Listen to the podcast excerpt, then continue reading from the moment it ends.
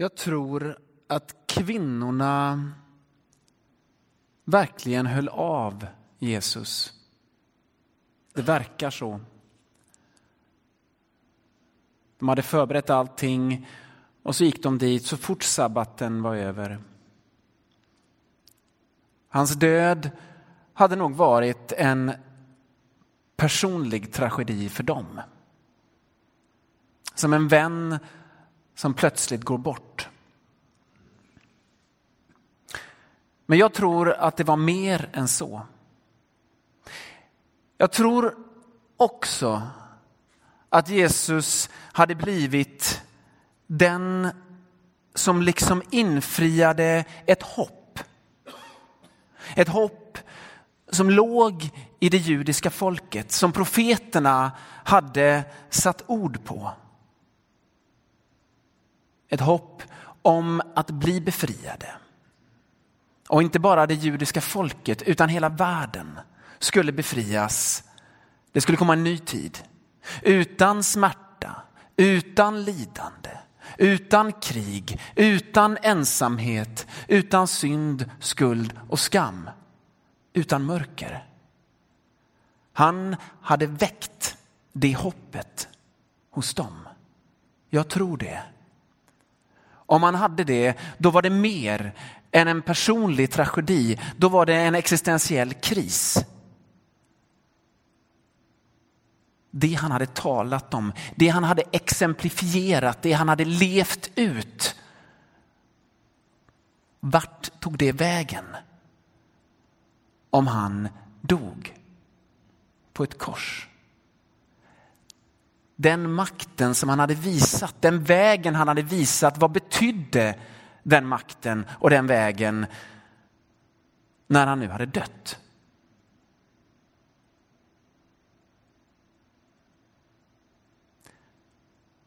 Vi är inte helt olika kvinnorna, tror jag. Vi kommer hit med våra personliga tragedier. Vårt mörker. Våra förluster. Förr eller senare så blir det nämligen så, verkar det som, att livet liksom går sönder. Förväntningarna, drömmarna. Det ser olika ut. Men det verkar som att det är ganska universellt. Det håller liksom inte ihop hela vägen. Så kommer vi den här natten med våra personliga öden. Om vi ska vara helt ärliga. Men kanske kommer vi också med någon slags existentiell fråga. Någon slags existentiell kris. Vart är vi på väg? Vart är vägen? Vart är världen på väg?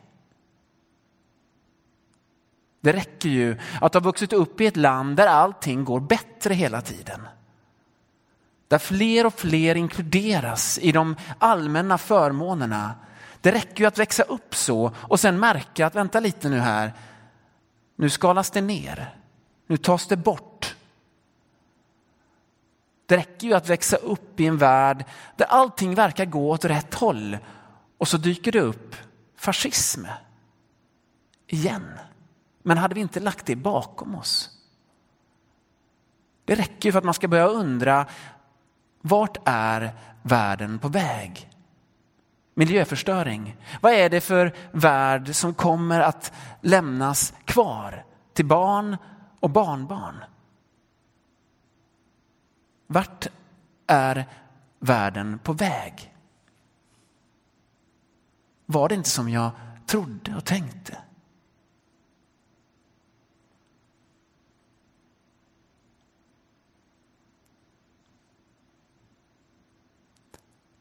Vad är det då som möter kvinnorna? Vad är det som möter oss denna natt? När de kommer till graven. Det tror vi ju att vi vet vad det är. Men vad är det som de möter? som får dem att reagera på så många olika sätt. De blir förskräckta, står det. De tittar ner i marken. De springer iväg och berättar. Lärjungarna, de säger att det är bara prat. Någon måste kolla och fylls av undran. Alltså reaktionerna är så många. På vad? Vad är det som händer? Vad är det som har hänt? Det som har hänt skulle man kunna säga är ett tecken. Ett tecken tecken på vad världen egentligen består av. Vart vi egentligen är på väg. Det är som att den morgonen så tänder Gud ett ljus.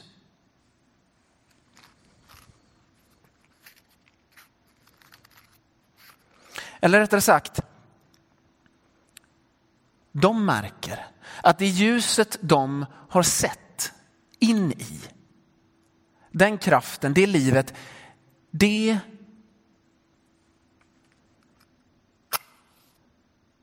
kunde ändå inte övervinnas av mörkret. Liksom som att universums grundackord visar sig vara gott. Som att det finns en tillvarons tonart som är ljus. Trots allt det mörka. Som att trots det som händer så verkar Gud ha det i sin hand. Det var det de mötte. Att även om det verkar som att det blir mörkare så blir det inte det. Därför mörkret är begränsat. För Jesus var det knappt två dygn. Dödens tillvaro, men den var begränsad. Men ljuset och livet, det är evigt. Det är vad som möter dem. Att det som är ditt mörker och mitt mörker, det är inte det som definierar tillvaron i grunden. Utan det är undantagen. Det som är regeln. Det som är grundmönstret, grundackordet, det är det vi ser i barmhärtigheten, i kärleken, i den där blicken som säger jag förstår, i det där samtalet där man inte längre känner sig så ensam. Det är det som är det verkliga. Det är det som är evigt. Inte mörkret, inte döden. Nej, det är livet och ljuset och barmhärtigheten och kärleken. Det är den som är evig, det är den som inte kan besegras. Men hur är det då med våra mörker? Ska vi inte se dem? Ska vi låtsas som att de inte finns? Ska vi bara liksom försöka klacka bort dem? Nej. De är där, vi ska fejsa dem, vi ska se dem, vi ska kämpa den goda kampen. Men vi ska inte dra fel slutsatser av det. Vi ska inse vad som verkligen håller, vad som är evigt. Att i grunden betyder lidandet ingenting mot den härlighet som ska uppenbaras och bli vår. Som Paulus säger i Romarbrevet.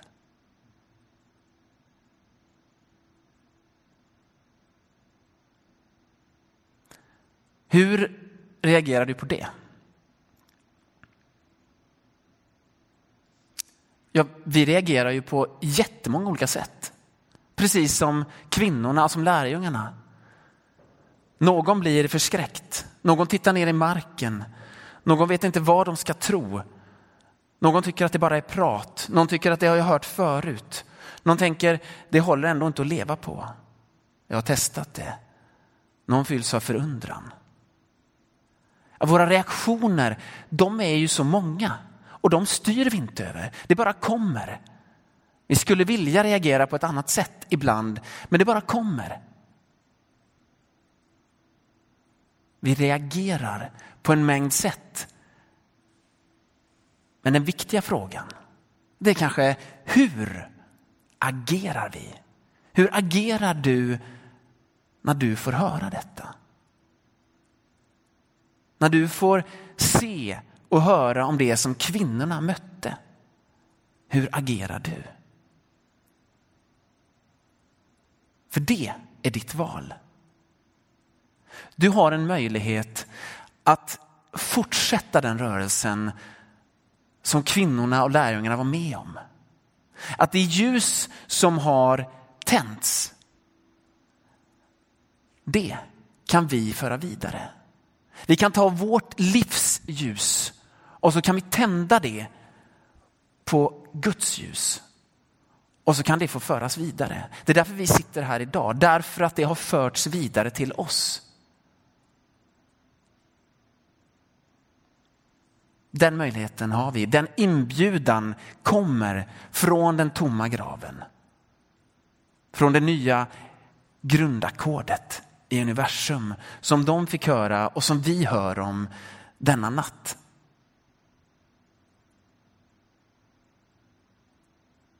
Amen.